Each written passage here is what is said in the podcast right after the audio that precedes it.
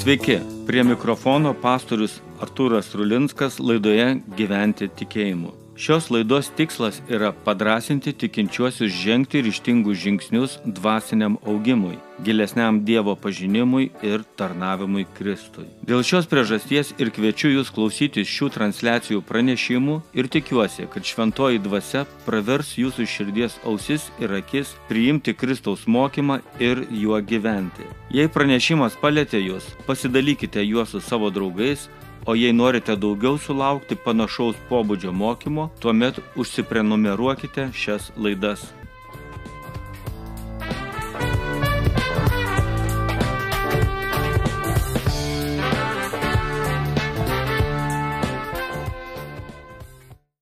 Sveiki, brangus klausytojai, su jumis Vilniaus laisvųjų krikščionių bažnyčios pastorius Artūras Rulinskas. Šiandien noriu kalbėti apie didžiuosius lūkesčius. Paskaitysiu iš apaštalų darbų knygos pirmos kiriaus 3-5 eilutės.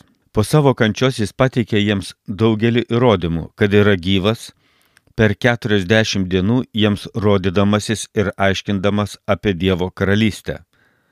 Kartą, bevalgant prie bendro stalo, liepė jiems nepasišalinti iš Jeruzalės, bet laukti tėvo pažado, apie kurį, tarė jis, esate girdėję iš manęs. Mat Jonas krikštijo vandeniu, o jūs po kelių dienų busite pakrikštyti šventąją dvasę.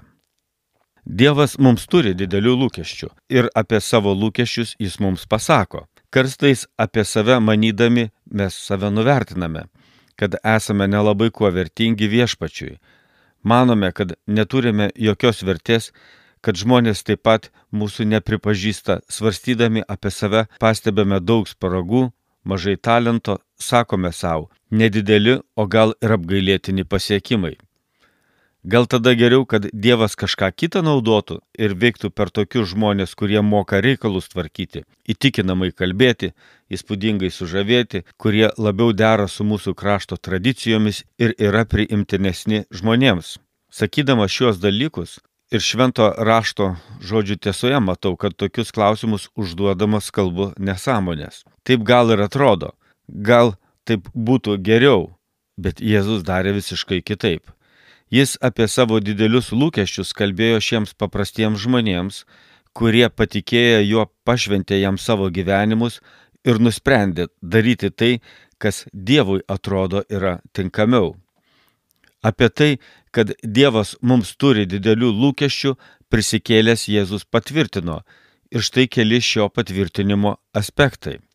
Lūkestis dėmesiui. Tai nuolatinis Jėzaus apsilankimas.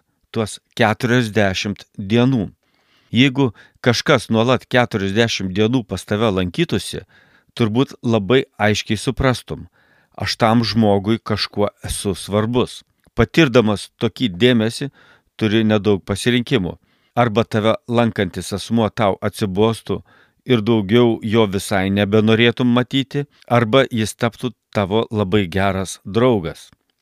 Dievo dėmesys mums iš tikrųjų yra didelis. Ir tikrai Dievo lūkestis yra ne atitolinti mus nuo savęs, bet priartinti, ne išgazdinti, atstumti, bet prisijaukinti. Tiesa, Biblijoje 40 yra simbolinis skaičius.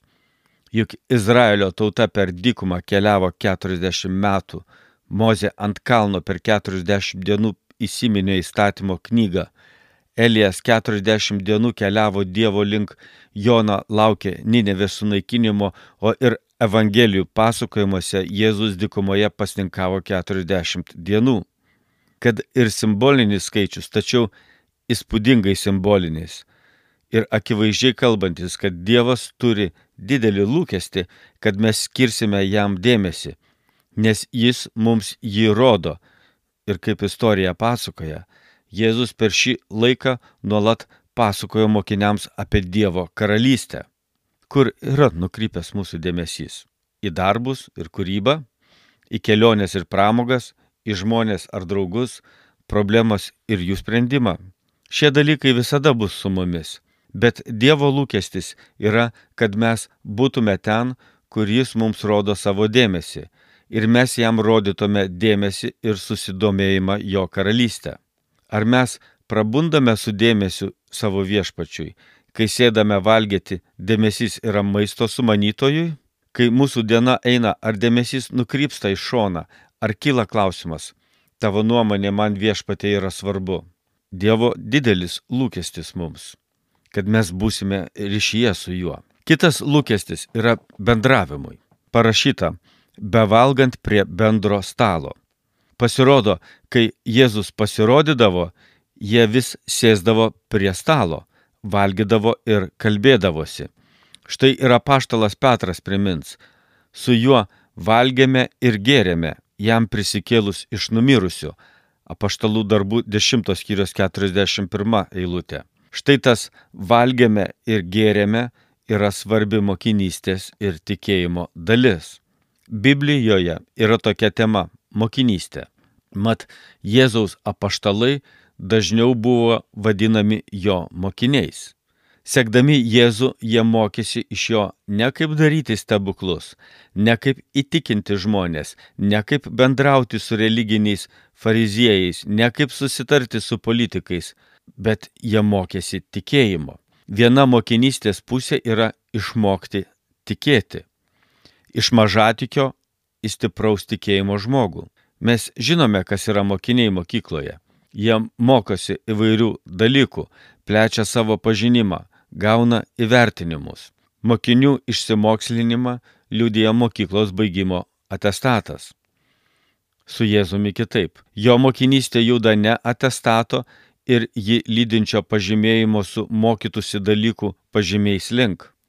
Antras Jėzaus mokinystės tikslas mylėti Dievą visą savo širdimi, visų protų, visą savo sielą ir visomis jėgomis. Kaip ir tikėjimas, taip ir meilė neturi pažymio, bet pasižymi atsidavimu. Yra nemažai saugusių žmonių, kurie apie mokyklą prisimena labai neigiamai. Egzaminus išlaikė, įskaitas gavo, pažymius susirinko, mokytojus iškentė ir su mokykla baigta. Taip Jėzaus mokinystėje nėra.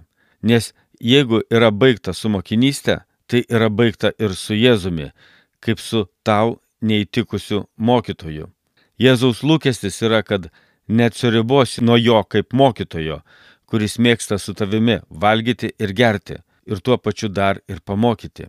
Su Jėzumi mokiniai nuolatos valgė, o valgydami diskutavo, domėjosi, ginčijosi, kėlė klausimus.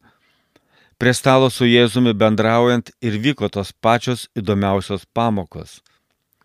Dar vienas didelis lūkestis yra pasikeitimui. Būsite pakrikštyti šventąją dvasę. Trečias lūkestis šiuose keliose eilutėse. Ši mintis vėlgi išsakyta valgant prie bendro stalo. Žmogus paprastai keičiasi kažkokių dalykų įtakoje.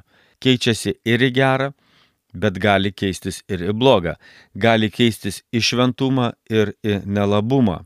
Krikštas šventąją dvasę tai pokytis, pašventinantis žmogų, apvalantis ne žmogaus išorę, bet vidų, sustiprinantis ne raumenis, bet dvasę. Jeigu žmogus yra apsėstas piktąją dvasę, tuomet iš jo lauk daug bėdos. Tačiau pakrikštytas šventąją dvasę darys nuostabius Dievo darbus. Kodėl taip sakau? Nes taip rašo Biblijoje. Kiekvienas, kuris būdavo paliečiamas, užpildamas, paveikiamas šventosios dvasios darydavo nuostabius darbus. Dievo lūkestis yra laukti mums šio dvasios krikšto, kuris yra pati didžiausia gyvenimo permaina.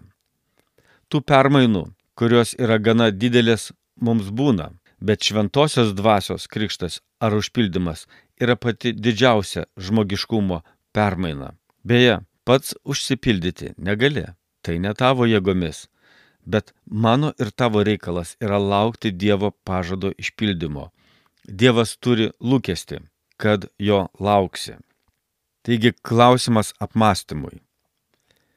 Tėvai turi lūkesčių iš savo vaikų, draugai iš savo draugų, mokytojai iš mokinių kaip aš, tas, kuriam Dievas turi lūkesčių. Esu pasirengęs tuose Dievo lūkesčiuose jo nenuvilti.